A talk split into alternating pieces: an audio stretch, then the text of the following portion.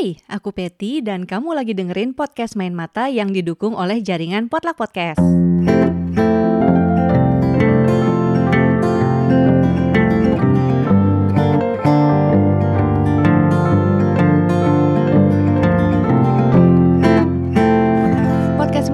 Adalah podcast buku yang ngebahas banyak hal seputar dunia perbukuan seperti obrolan dengan para pelaku, mulai dari penulis, penerbit, editor, dan lainnya. Juga ada rekomendasi berbagai jenis buku dan tantangan untuk kamu para pembaca.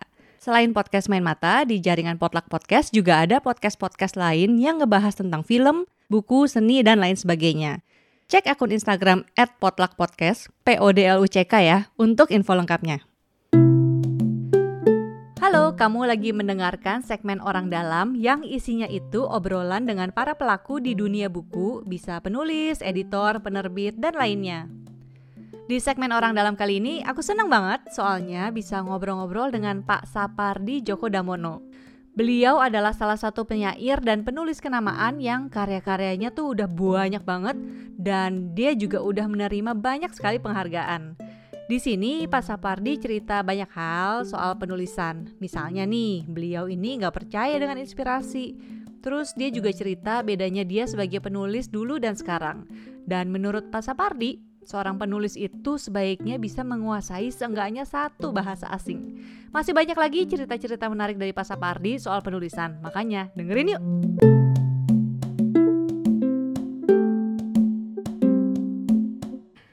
Oke, balik lagi di Main Mata. Sekarang aku lagi bersama seorang penyair, penulis, dia pengajar juga dan penerjemah ya. Yang rentang waktu berkaryanya nih kayaknya udah super panjang banget dan pasti sebagian besar dari kita udah kenal lah. Ada Bapak Sapardi Djoko Namono. Halo Pak Sapardi. Halo, halo, halo, apa kabar? Baik, apa kabar Pak? Baik banget ya, dan untung tidak hujan ya. Eh, iya bener, udah serem ya biasanya sore-sore gini suka hujan ya. Ah, biasanya sih terus banget. Ya. Sehat-sehat sekarang? Alhamdulillah. Oke. Nah, ini aku mau ngobrol sama Pak Sapardi nih. Jadi kemarin itu kan aku sempat wawancara sama Mbak Mirna Yulistianti, Mhm, dia mhm, editornya mhm. Sastra GPU. Terus Mbak Mirna tuh sempat bilang Pak Sapardi tuh punya stok karya banyak sekali dan belum semuanya bahkan dibukukan. Kalau Iya, misalnya mau iya, menuhin iya, target iya, iya, untuk apa eh, untuk penerbit, katanya setahun tuh mungkin bukunya Pak Sapardi bisa tuh buat menuhin target. apa ini Bapak masih menulis tiap hari sampai sekarang? Iya, Iya. iya, ya oh, tiap hari ker- kerjanya apa? Saya kan pensiunan ya, pensiunan kadang-kadang ngajar, tapi ngajar itu kan saya mesti punya asisten. Hmm. Jadi ya yang ngajar sebenarnya asisten saya, bukan saya gitu. Hmm. Jadi saya kalau ngajar itu tim teaching rame-rame gitu. Saya biasanya yang pertama sama yang terakhir, yang lain itu anak-anak muda. Oh gitu. Ya meskipun mereka sudah jadi dokter segala macam kan dalam kekuasaan saya itu.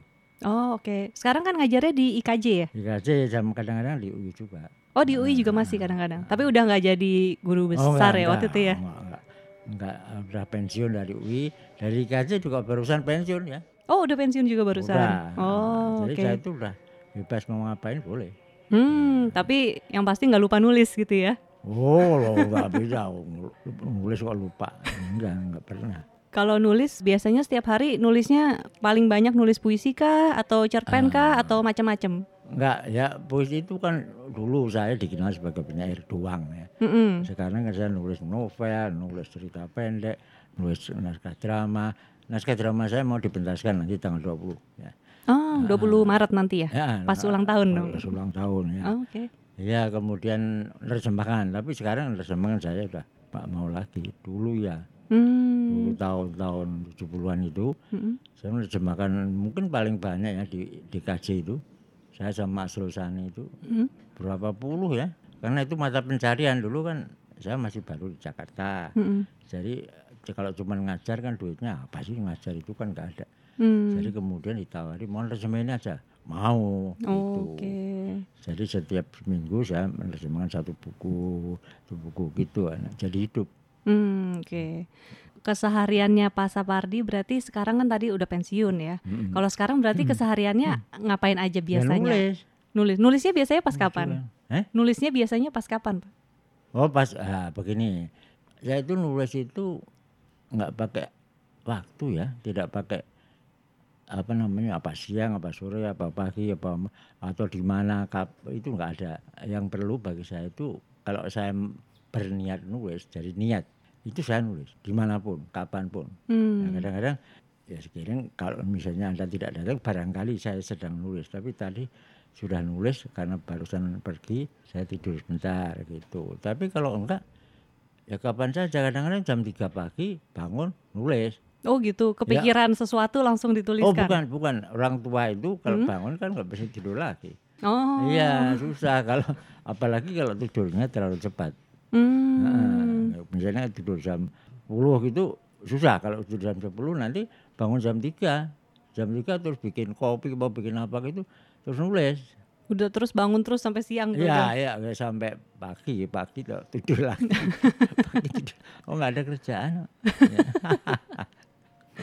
Berarti kalau misalnya ada penulis yang bilang, wah kalau saya cocoknya waktu yang cocok untuk menulis misalnya malam hari sebelum tidur, kalau pas Sapardi enggak ya, kapan Enggak, aja ya. Kapan aja. Dan kapan aja. kepikiran topik untuk ditulis kan aku baca juga pas Sapardi tidak percaya dengan yang namanya inspirasi Enggak, nih. enggak percaya saya. Jadi Niat. niat ya.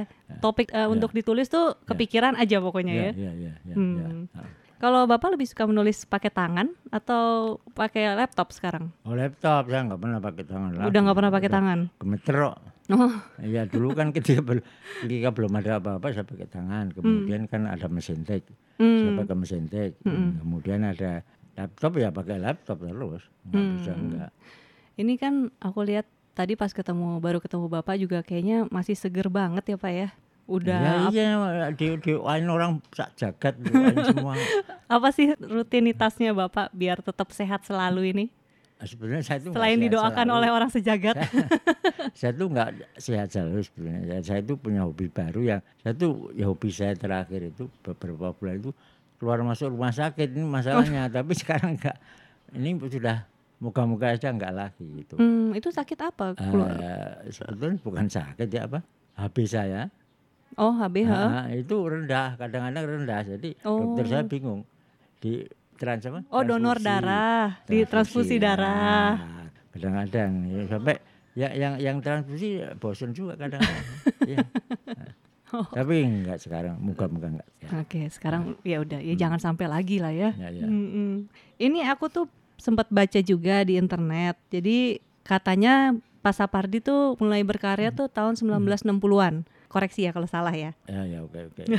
ya. Dan waktu di zaman SMP tuh katanya tepatnya. Awal mulanya kayaknya intensinya bukan untuk menjadi penyair, tapi waktu itu menulis cerita pendek untuk majalah anak-anak, tapi ditolak waktu dikirimkan. Ya, ya, Katanya ceritanya nggak masuk akal, padahal berdasarkan kenyataan eh, Ya, ya. pengalaman pribadi. Boleh tahu nggak sih itu ceritanya Oke. tentang apa nih? Ya ini ceritanya panjang nih, bukan tahun 60-an, tahun 60-an saya sudah jadi mahasiswa ya. Oh oke. Kalau SMP, SMP itu tahun 50-an, tahun Oh, 50-an, 50-an, saya iya. SMP. Mm-mm. Kelas 2 SMP saya suka nulis, tapi kan saya itu orang Jawa ya, dan di Solo itu ya semua orang ngomong bahasa Jawa. Kalau di sekolah juga ngomong bahasa Jawa, meskipun guru bahasa Inggris ya ngomongnya bahasa Jawa gitu loh. Hmm. Jadi ya istilahnya bahasa Jawa. Jadi saya nulis untuk untuk masalah anak-anak itu. Saya nulis itu masalah anak-anak yang sangat terkenal. Ada majalah bahasa Jawa yang sampai sekarang masih ada namanya Panyebar Semangat. Lah itu ada ada edisi khusus untuk anak-anak gitu tiap minggu ya. Saya nulis di situ. Dulu kan nulis tangan terus dikirim gitu. Eh kebetulan dapat jawaban dari Sin itu Pak Sin itu sebagai Subagio Ilham Noto Dijoyo itu Hmm. wartawan top zaman itu ya ah ini dalam bahasa Jawa. Dia bilang ini cerita kamu ini nggak bisa dimuat karena tidak masuk akal. Saya kaget. Kok tidak masuk akal? Saya itu cuma mencatat, mencatat apa yang terjadi pada saya pada suatu saat pada waktu itu. Hmm. kok nggak diterima? Mungkin dia nggak nggak bisa menerima keadaan begini ya. Jangan bilang-bilang ya. Jangan bilang. Jangan bilang-bilang tapi di di podcastin. direkam. tapi direkam. Bapak saya kan Sontoloyo bapak saya itu saya naik dewi ya. Nah itu kebetulan pada waktu itu saya punya istri simpanan kira-kira gitu ya. Dia bilang kamu sekarang ikut aku gitu. Ah, saya sama adik saya itu.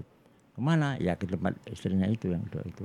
Oh. lah ibu saya itu tidak marah tidak apa saya malah didandanin. Ya kamu baik-baik ya nanti di sana jangan nakal segala macam dandanin ikhlas gitu ikhlas nah, itu kan saya ceritakan seperti apa adanya. Hmm. orang kan susah menerima itu sebagai sesuatu yang masuk akal gitu. Itu masalahnya di situ. Nah, Oh, eh, memang agak aneh sih. iya Me- memang agak aneh iya. kan ya, saya, saya, saya sekarang mikir ya oh ya aneh ya. Nah, Tapi waktu dulu kecil enggak kayak enggak, biasa aja ya. itu enggak apa-apa. Ibu saya itu mungkin bidadari kali ya. Ya kayak gitu ya. Oh, gitu. sampai meninggalnya saya kagum sama sampai selalu saya katakan ibu saya itu the, wo- the woman I love most Hmm. gitulah. Terus gara-gara itu juga malah jadi kepikiran Ya, untuk menulis saya puisi ya. berhenti berhenti kemudian berhenti ya sudah nggak usah nulis aja nah ini masalahnya malah petakannya datang ketika saya kelas 2 SMA tahun 57 saya suka pinjam buku ada perpustakaan sebenarnya bukan perpustakaan ya dulu itu ada persewaan buku gitu ya. Di kampung saya itu ada dua persewaan buku dan kalau saya ke sekolah di Margo Yudan di Solo ya saya lewat sebuah perpustakaan pemerintah. Jadi saya keluar masuk perpustakaan lah saya ketemu ini malah perpustakaannya di sini.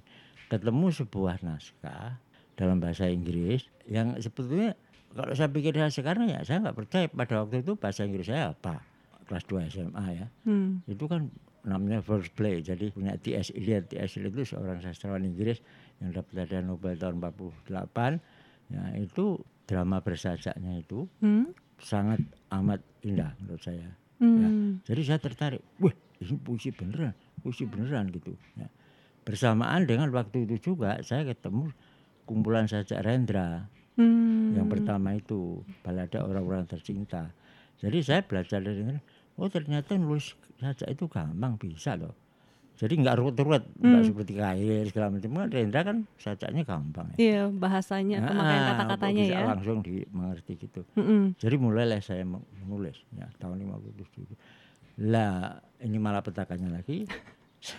saya mulai menulis masih ada anunya semua. Heeh. Tulisan tangan saya masih ada semua. Itu yang sempat dipamerin di Makassar ya? betul. Oh, betul. oke. Ya. Jadi tahun 57 November saya nulis, mulai nulis itu kira-kira sebulan lalu saya kirim kan dimuat. Loh, saya kaget. Dimuat di sebuah majalah kebudayaan yang sangat dihormati yang editornya adalah Pak Abe Yasin. Oh. Jadi saya tuh gulung kuming kan, gulung kuming. Wih, aku jadi penyair, aku jadi penyair gitu. Itu kelas 2 SMA ya? Iya, ya? kelas dua saya mah lulus, Luar kemudian lulus biasa. tahun, tahun 58. Nah, saya lulus sudah jadi penyair kan. Hmm. Nah, orang-orang pada takut sama saya.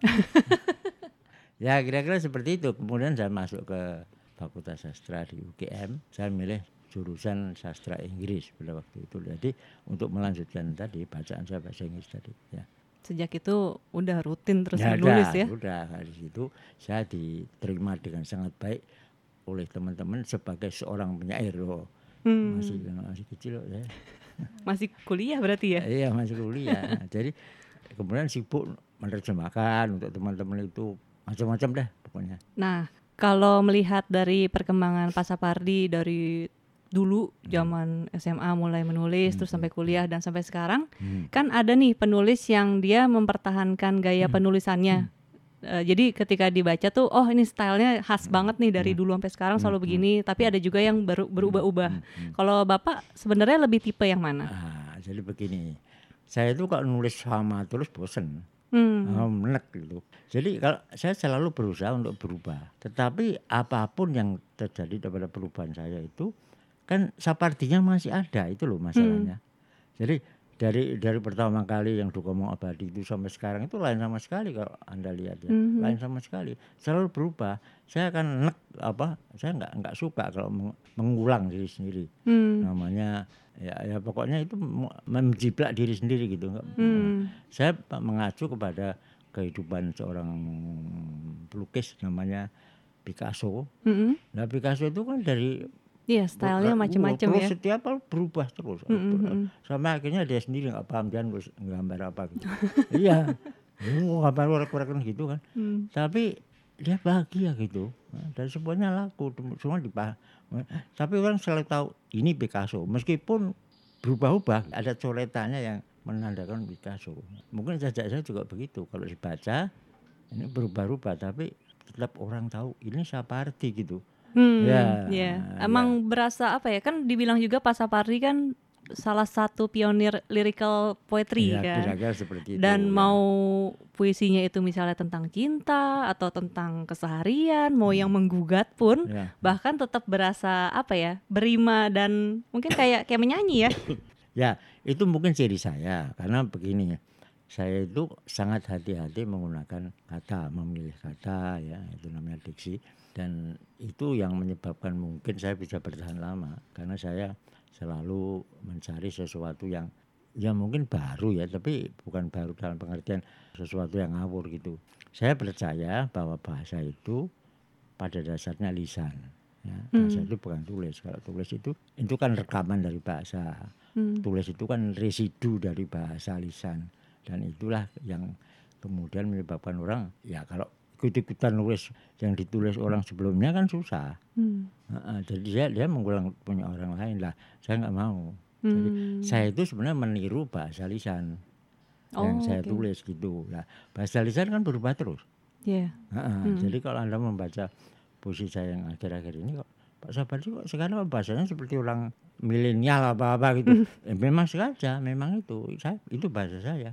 Saya sedang menyiapkan mungkin nanti diterbitkan si Mirna ya. Mm-mm. Itu sebuah kumpulan saja yang se- seperti itu. Ngawur pokoknya orang ini bong ikan gitu mungkin ya. ya, Oke. saya nulis sebuah buku itu isinya 80 saja. Kan 80 saya saja. 80. Ah, oke. Nah itu nanti kalau anda baca ini saja apa-apa gitu. Nah saya senang kalau anda mikir gini. Ya moga-moga nanti bisa terbit. Ya kalau nggak bisa apa sih Mirna kita, Mbak kita Mirna Mirna. Ya, ya. disebut-sebut ya. terus nih. Jadi jadi jadi apa namanya akan kelihatan perubahan sama sekali. Hmm. Yang besar menurut saya. Ya. Oke, berarti sebenarnya kayak Mas Joko Pinurbo kan Hmm. dia juga banyak memakai mungkin kalau dia ciri khasnya adalah dia banyak memakai topik atau kata yang lagi ngetren sekarang. Hmm, hmm, hmm, Kalau Pak Sapardi mungkin menyesuaikan dengan ya itu ya juga dengan Hmm. perkembangan si generasi sekarang Ya, mereka ya, juga ya, pakai ya, kata-kata ya, seperti ya. apa. Betul, betul, betul, Seperti betul, itu ya. betul, betul, ya. Tadi kalau ngomongin Mas Jokpin apa rasanya Mas? Sering kayak sering banget dijadiin inspirasi sama Mas Jokpin buat dia menulis. Ya nggak tahu, tapi dia dekat sama saya dekat sekali dan Mhm. dia saya kira salah seorang pembaca saya yang menurut saya sih bisa menghayati saja saya tadi. Hmm, hmm, Dan memang dia kan menulis novel. Dia bilang novel saya ini di diilhami oleh Sajak Sapardi ini gitu ya. Iya, yang Sri menanti itu ya. Sri menanti itu ya. Ya saya paham, sudah paham. Mungkin dia dia sangat menghargai saya, saya sangat menghargai dia dan meskipun mungkin satu generasi ya. Kalau Hmm. bisa mahasiswa ya dia jadi mahasiswa saya gitu. Hmm. Ya tapi kami dekat meskipun jarang sekali ketemu tapi dekat dan tidak juga pernah berhubungan lewat media sosial Hmm. jarang malah mungkin nggak pernah ya dia nggak begitu suka kali ya Hmm. Nah, lewat Twitter apa Instagram mungkin dia nggak begitu kadang-kadang aja. Ketika menulis puisi nih, Mhm. Pak Sapardi biasanya ketika membuat tuh susunan sajaknya udah berurutan atau malah kayak kepikiran oh ini kayaknya pas taruh di tengah atau di akhir. Hmm. enggak kalau saya nulis saja itu apalagi sekarang yang gampang Hmm. kalau dulu saya nulis ngetik misalnya masih ngetik itu kan susah di, di Nggak boleh, diperbaiki ya iya ya. Susah diperbaiki ya Hmm. Paling di kertasnya itu kemudian kita coret-coret kemudian kita ketik lagi itu. Apalagi ketika nulis pakai tangan ya susah ya. Hmm. tapi sekarang saya dengan gampang bisa mengubah-ubah saya enak saya sendiri. Bisa cut and paste. Udah sekarang begitu saya Cak. kadang-kadang ini sudah sudah jadi gitu. Saya bilang oh nggak bener nih hapus ganti lagi yang baru gitu. Iya. Ya seperti saya katakan tadi udah ada di kepala saya semua yang mau saya tulis itu cuman saya tinggal kalau saya punya Menuangkannya. niat ya saya menuangkan itu Hmm. Kalau dulu berarti lebih sering sebenarnya sekali bikin jadi dong ya. ada banyak yang seperti itu. Jadi eh, saja saja saya yang kemudian jadi populer seperti Hujan bulan Juni aku ingin itu sekali jadi Hmm. dan mungkin dalam waktu setengah jam gitu ya Wah, sekali banget. jadi iya seperti itu jadi memang ada saja yang mungkin seperempat jam setengah jam dulu tapi ada saja yang sampai bertahun-tahun tiga tahun barangkali nggak jadi jadi Yang aku inget ini katanya yang Marsinah ya. Ya, Itu- Marsinah itu. Mm-mm. Kan begini, saya ternyata yakin eh, baru saja bahwa kalau orang marah itu nggak boleh nulis saja. Kalau orang marah itu demo saja lah gitu, nggak usah nulis saja ya. Hmm. Demo apa-apa, apa marah-marah gitu, kalau pemecah piring apa-apa gitu. Tapi kalau nulis saja nggak bisa. Jadi kira-kira begini, kalau kita mau nulis saja apa pun, saja cinta apa saja, protes apa-apa, kita harus mengambil jarak dulu dengan objeknya. Itu namanya aesthetic distance. Jadi jarak estetika itu harus ada dulu. Supaya Ha-ha, supaya kelihatan itu sebagai objek. oh, saya oke. tidak terlibat situ. Kalau saya terlibat itu cengeng jadinya. Jadi sentimental. Sama membaca juga sama. Kalau Hmm. kita tidak bisa me- me- menempatkan apa yang kita baca itu sebagai sesuatu yang bukan milik kita, Hmm. ya kita jadi cengeng. Coba kalau misalnya nonton sinetron gitu kan, Mhm. ya, itu perbedaan antara misalnya Anda dan saya dengan orang-orang lain yang suka nangis nonton sinetron. Kalau kita kan tahu Hmm. itu kan cuma bohong, itu kan begitu. Jadi kita ngeritiknya itu sebagai sinetron, tapi kalau nggak kita terlibat malah nangis. Nah itu kan Hmm. pengong namanya. Ya nggak bisa. Ya. Jarak itulah yang namanya jarak estet- estetika itu itu. Ya, Jadi Hmm. kita harus berjarak. Karena kita nonton sesuatu yang itu nggak terjadi beneran, itu gambar itu gambar bergerak atau Iya, iya. apa gitu. Kita harus sadar itu dan kalau kita ngeritik, ngeritik misalnya kita senang apa tidak, wah itu mainnya bagus, wah cahayanya bagus, kan gitu. Hmm. Tapi kalau puisi ya cara milih katanya bagus, apa suasananya bagus, cuman begitu. Bukan isinya berarti sebenarnya Oh iya, harusnya ah, dikritik. bu- sastra itu bukan isinya, sastra itu cara menyampaikannya. Oh gitu ya. Iya, bukan isinya. Ya. Hmm. Isi itu orang nulis sajak cinta itu kan sejak Nabi Adam nulis sajak kepada Hawa itu kan itu nulis sudah sajak cinta. Sampai sekarang nulis terus. Lah kalau sama caranya kan orang bosen. Cara itulah yang berkembang terus. Itulah cara menyampaikan cinta, cara memarahin orang itu. Jadi cara itu penting. Nah, cara itulah yang menjadi ciri dari setiap seniman. Hmm. Cara saya berbeda dengan misalnya Gunawan Muhammad, apa Ya. Taufik Ismail, apa siapa pun. Hmm. Meskipun kami sama-sama nulis sajak cinta gitu. Joko Bom ya, ya lain, lain sama sekali. Jadi cara kami itu berbeda-beda dan dengan cara yang berbeda-beda itulah sastra berkembang. Kalau kita cuma menilai sebuah karya sastra berdasarkan pada isinya, ya isinya kan cuma itu. Isi apa sih? Kan orang lahir terus kemudian kawin mati kan, Iya, iya, udah itu sama seluruh dunia. Tapi caranya yang sama sekali berbeda. Hmm. Itu Khail Anwar berbeda dengan misalnya eh, Amir Hamzah atau berbeda dengan Shakespeare atau berbeda dengan Petrarca gitu ya. Hmm. Tapi semua nulis sajak yang sama, sajak cinta.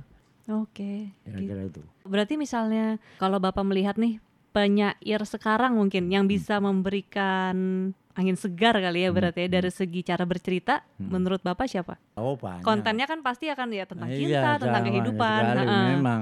Dan itu kadang-kadang membuat saya iri hati ya. Yang muda-muda itu, anak-anak muda itu, Mm-mm. itu kan mempunyai kesempatan yang jauh lebih bagus dari saya. Saya dulu kan cuma baca koran, baca apa. Sekarang mereka kan menghadapi laptop, udah semua. Dia ngucek apa, mencuri dari mana pun boleh. Karena Hmm. sastra itu kan mencuri sebenarnya. Mencuri sana sini, Iya. sana sini itu. Acuan itu kan curian sebenarnya ya. Hmm. Nah, para penulis muda sekarang itu punya kesempatan itu. Dan itu yang menyebabkan saya kadang-kadang bukan sakit hati, tapi iri hati ya. Oh, mereka kok bisa begitu tiba-tiba kaget, mengagetkan mereka itu. Wah, tiba-tiba begitu. Wah, tiba-tiba begitu. Dan para penyair, penulis cerita pendek sekarang, para novelis itu melakukan itu. Hmm. Yang sama sekali di luar dugaan saya. Wah, ini kok ada sesuatu gitu. Nah, saya tidak apa-apa. Justru itu tulisan-tulisan mereka, cara-cara mereka menulis itulah saya jadikan sasaran saingan saya gitu. Oh, saya harus menyanyi ini. Tetap setiap kali saya mempunyai saingan, yakni yang muda-muda itu. Berarti kalau Pak Sapardi kan sering banget disebut mungkin orang banyak mengenal ya sebagai penyair yang romantis, mungkin penyair cinta karena Hmm. tadi lagu ya aku bulan Juni itu kan udah sampai eh hujan bulan Juni itu kan sampai difilmkan. Terus puisi aku ingin Hmm. kayaknya banyak jadi quote di undangan pernikahan ya. Ya, ya, ya. Ya, ya, ya, Iya, ya. ada. Tapi kalau misalnya boleh milih gitu, Pak Sapardi pengen gak sih orang mengenal Bapak misalnya sebagai penyair yang lain? Eh, sebetulnya ya terserah saja kan. Jadi kalau orang misalnya menilai saya itu tergantung dari apa yang dia baca. Mm-mm. Ya, padahal saya kan bukunya banyak. Iya. Dia baca yang mana gitu kan. Betul. Ini masalahnya gitu. Ada sebuah buku saya yang isinya itu saya marah-marah terus yang pakai Marsinah itu. Ayat-ayat api itu ya. Ah, itu kan marah Iya, semua. itu isinya marah itu semua. Apa, 98, Tapi bagus tahun banget sih. 64. Mm-mm. Itu kan semua saya tuangkan di situ, Marsinah kan. Mm-mm. Dibuka dengan Marsinah, kemudian yang terakhir dengan ayat api itu. Iya. Ya itu tadi, saya harus menekan kemarahan gitu. Mengenai Hmm. Marsinah itu tiga tahun baru selesai. Enggak, enggak bisa gini, jelek. Ini harus perbaiki lagi, perbaiki lagi. Itu perubahannya signifikan nggak dari yang awal nulis Oh iya, sampai sangat. akhirnya jadi? Sangat, sangat. Ya, Hmm, tadinya cengeng. Hmm. Lah kan saya marah. Iya kalau marah itu nggak boleh nulis seperti saya katakan tadi. ya. Hmm. Jadi ketika saya baca lagi, oh nggak boleh ini harus hapus, ganti lagi yang baru, hapus, ganti lagi. Itu saya bertahun-tahun. Nah, selama itu saya nulis yang lain gitu. Hmm, oke. Kalau boleh dibandingin nih antara sekarang ya, Hmm. antara menulis puisi, Hmm. cerpen sama novel, Bapak paling suka yang mana? Sama aja, Sama aja. sama aja. Karena kan saya sudah sekian sekian puluh tahun nulis puisi ya. Mm. Kemudian tiba-tiba saya kepengen nulis cerita pendek karena dulu ditawarin sama teman seorang penyair juga tapi juga seorang penerbit di juga Mm-mm.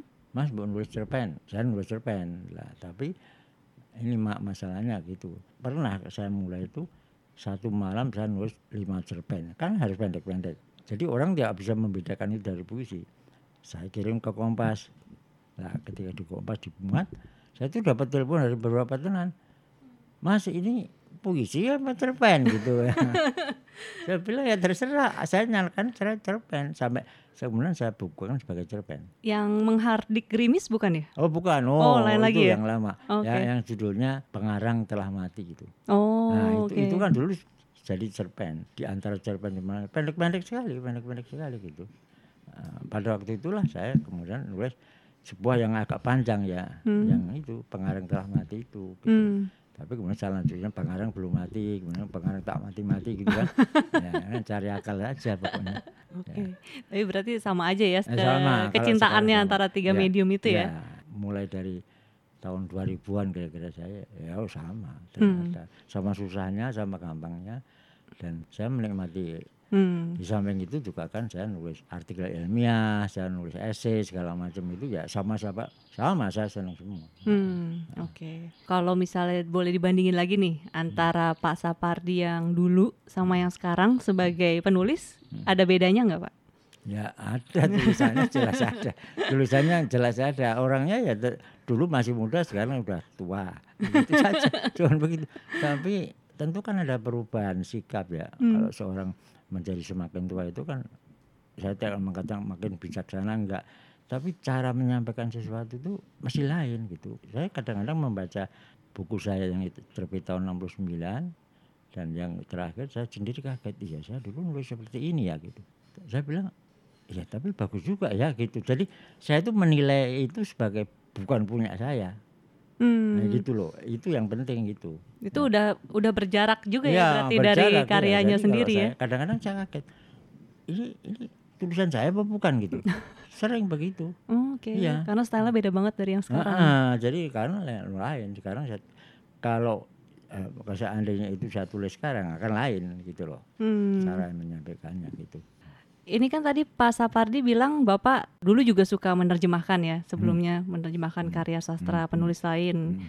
Nah, kan tapi Bapak juga menulis punya style sendiri dalam penulisan. Hmm. Itu ada tantangannya nggak tuh Oh ketika iya, menerjemahkan itu, ya, karya jelas. orang? jelas itu saya pernah me- apa namanya menerjemahkan bersama istri saya itu ya Hmm. sebuah novel yang bagus sekali ya Eh, mungkin nanti bisa dilihat karangan John Steinbeck yang judulnya Grapes of Wrath itu ya Hmm. Yang saya terjemahan menjadi amarah itu Hmm. Oh, itu lama sekali ya karena susahnya minta ampun susah banget itu diterjemahkan Hmm.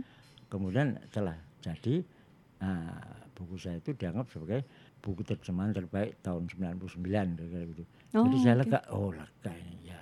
Sampai sekarang masih ada dijual di yang terbitkan itu Yayasan Obor Indonesia, Yayasan Obor. Yayasan Obor. Ah, Oke. itu. Jadi memang memang saya tuh seorang penerjemah sebenarnya gitu, seneng Hmm. dan saya belajar menerjemahkan. Saya belajar menulis dari menerjemahkan sebagiannya. Hmm. Saya kira banyak pengarang kita yang begitu, Karya Anwar juga begitu kan. Mm-mm. Karya Anwar kan banyak nerjemahin, Iya. tapi nah terjemahnya itu mempengaruhi tulisannya dan itu wajar dan mungkin itu harus. Oke, Eka Ya. Kurniawan kan juga Iya, menerjemahkan iya, ya. ya semua ya Mm-mm. semua guru- Banyak sih, Gunawan Muhammad, Iya. kemudian Taufiq Ismail semua begitu. Hmm. Nah, itu kan mensyaratkan penguasaan bahasa asing. Nah, itu yang penting lagi. Kalau kita berbicara dengan bahasa kita sendiri doang, Mm. kita sendiri, itu ya kita nggak berpikir lagi kan. Tapi kalau kita berbicara atau nulis dalam bahasa asing, kita kan mikir, Iya. mikir ini bagaimana bagaimana. Nah, mikirnya itulah yang penting di dalam Hmm. penulisan. Eh, dalam ketika saya menulis dalam bahasa Indonesia, saya mikir juga membayangkan kalau saya nanti kalau, kalau ini bahasa Inggris bagaimana bagaimana. begitu. Oh, dibayangkan juga ya, ya. iya, ya. artinya ketika nulis itu ini geser sini, geser sini, bener gak? Ini geser sini kata-kata itu gitu. Itu kan pengaruh apa bahasa asing yang saya pelajari gitu. Ya. Ketika menerjemahkan mungkin juga Iya. jadi belajar banyak diksi bahasa Indonesia ya. Iya, iya itu. Untuk Dan- dipakai di tulisan sendiri juga jadinya ya. Ya, jadi kan tadi masalahnya kemudian sama. Saya pernah menerjemahkan sebuah buku antologi sastra Australia modern ya, Hmm. penyair ya, Mm-mm. pu- puisi modern Australia gitu ya.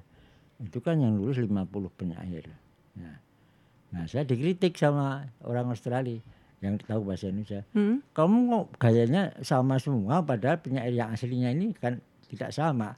Kan. Hmm. Saya bilang, lah iya wong itu yang terjemahin saya, ya mereka harus tunduk kepada saya, saya bilang gitu. Ya itu gaya saya, cuman namanya aja nama mereka, saya bilang gitu. ya jadi jadi saya saya berpikir sampai sekarang kalau saya terjemahkan itu sebenarnya itu punya saya. Hmm. Heeh, terjemahan itu kan bukan benda yang apa namanya lebih rendah dari aslinya, bukan. Sama. Terjemahan yang diterjemahkan itu sama. Jadi kalau yang menerjemahkan itu jagoan, dia bisa lebih baik justru dari yang aslinya. Dan itu Hmm. mungkin. Dan itu yang terjadi pada pada semua apa proses penerjemahan di seluruh dunia. Kayak Anwar misalnya, Mm-mm. kan dia punya Kerawang Bekasi itu. Itu kan itu kan sebenarnya terjemahan. Sebenarnya terjemahan dari The Young Dead Soldiers gitu ya. Hmm. Jadi ketika dia menerjemahkan dia mengubah ya.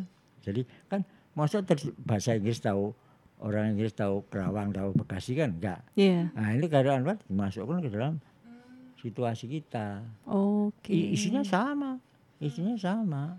Heeh, kemudian dia juga menerjemahkan sajak sajak Banu juga namanya poem gitu ya.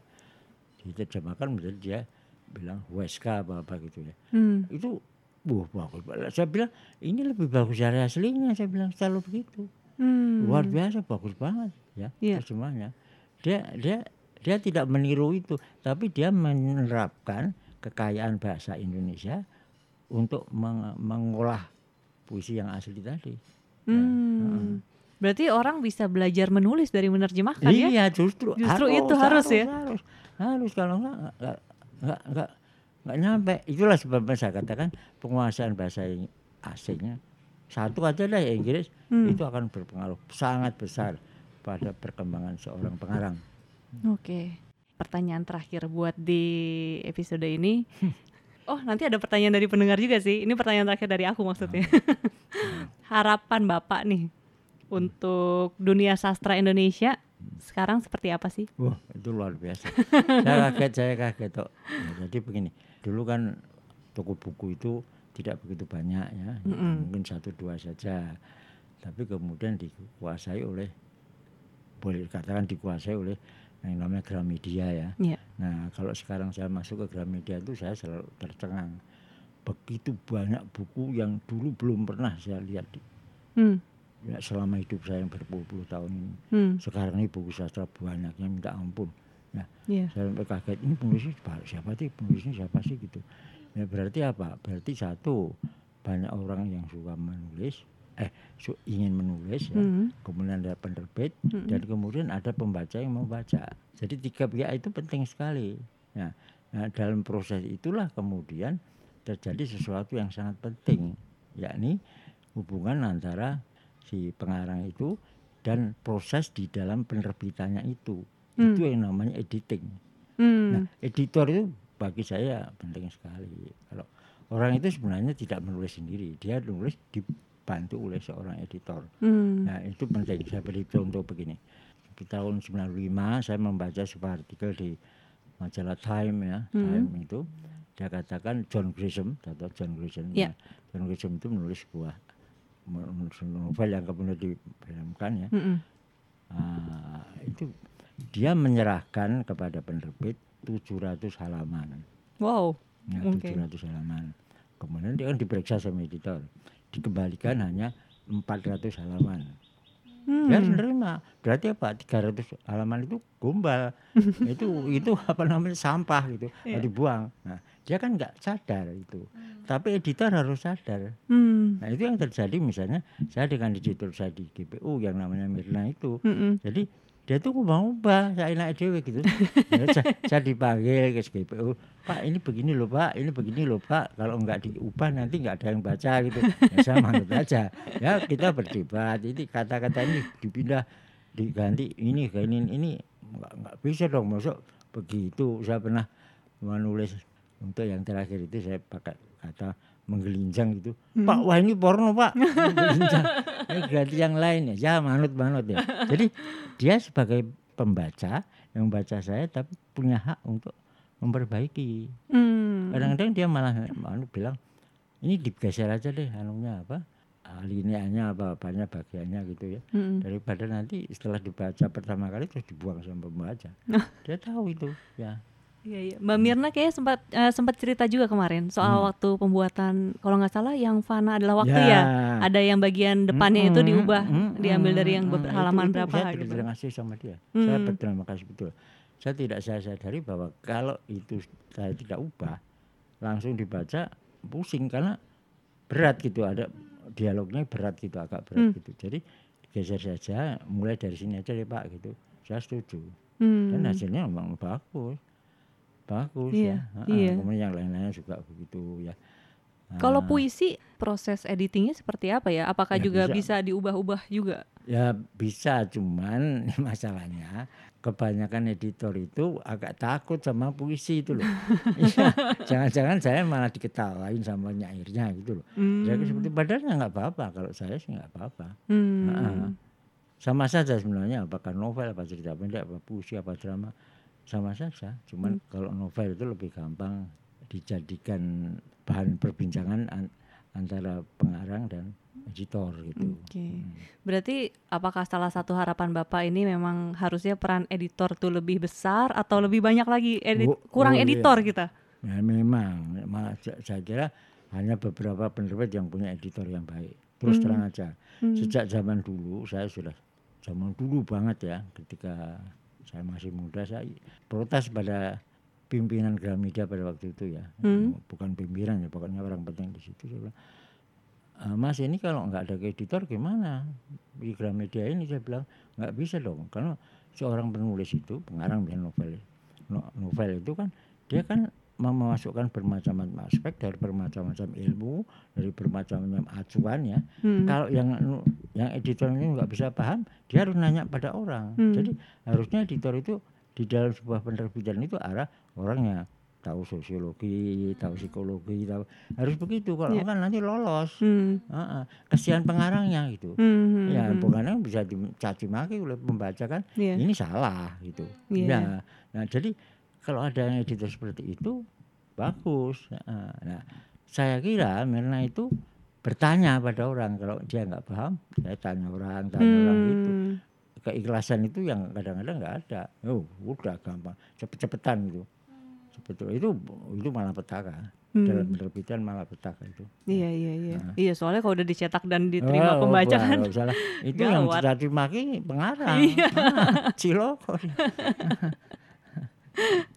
Oke. Ini ada beberapa pertanyaan nih dari pendengar. Namanya Putri.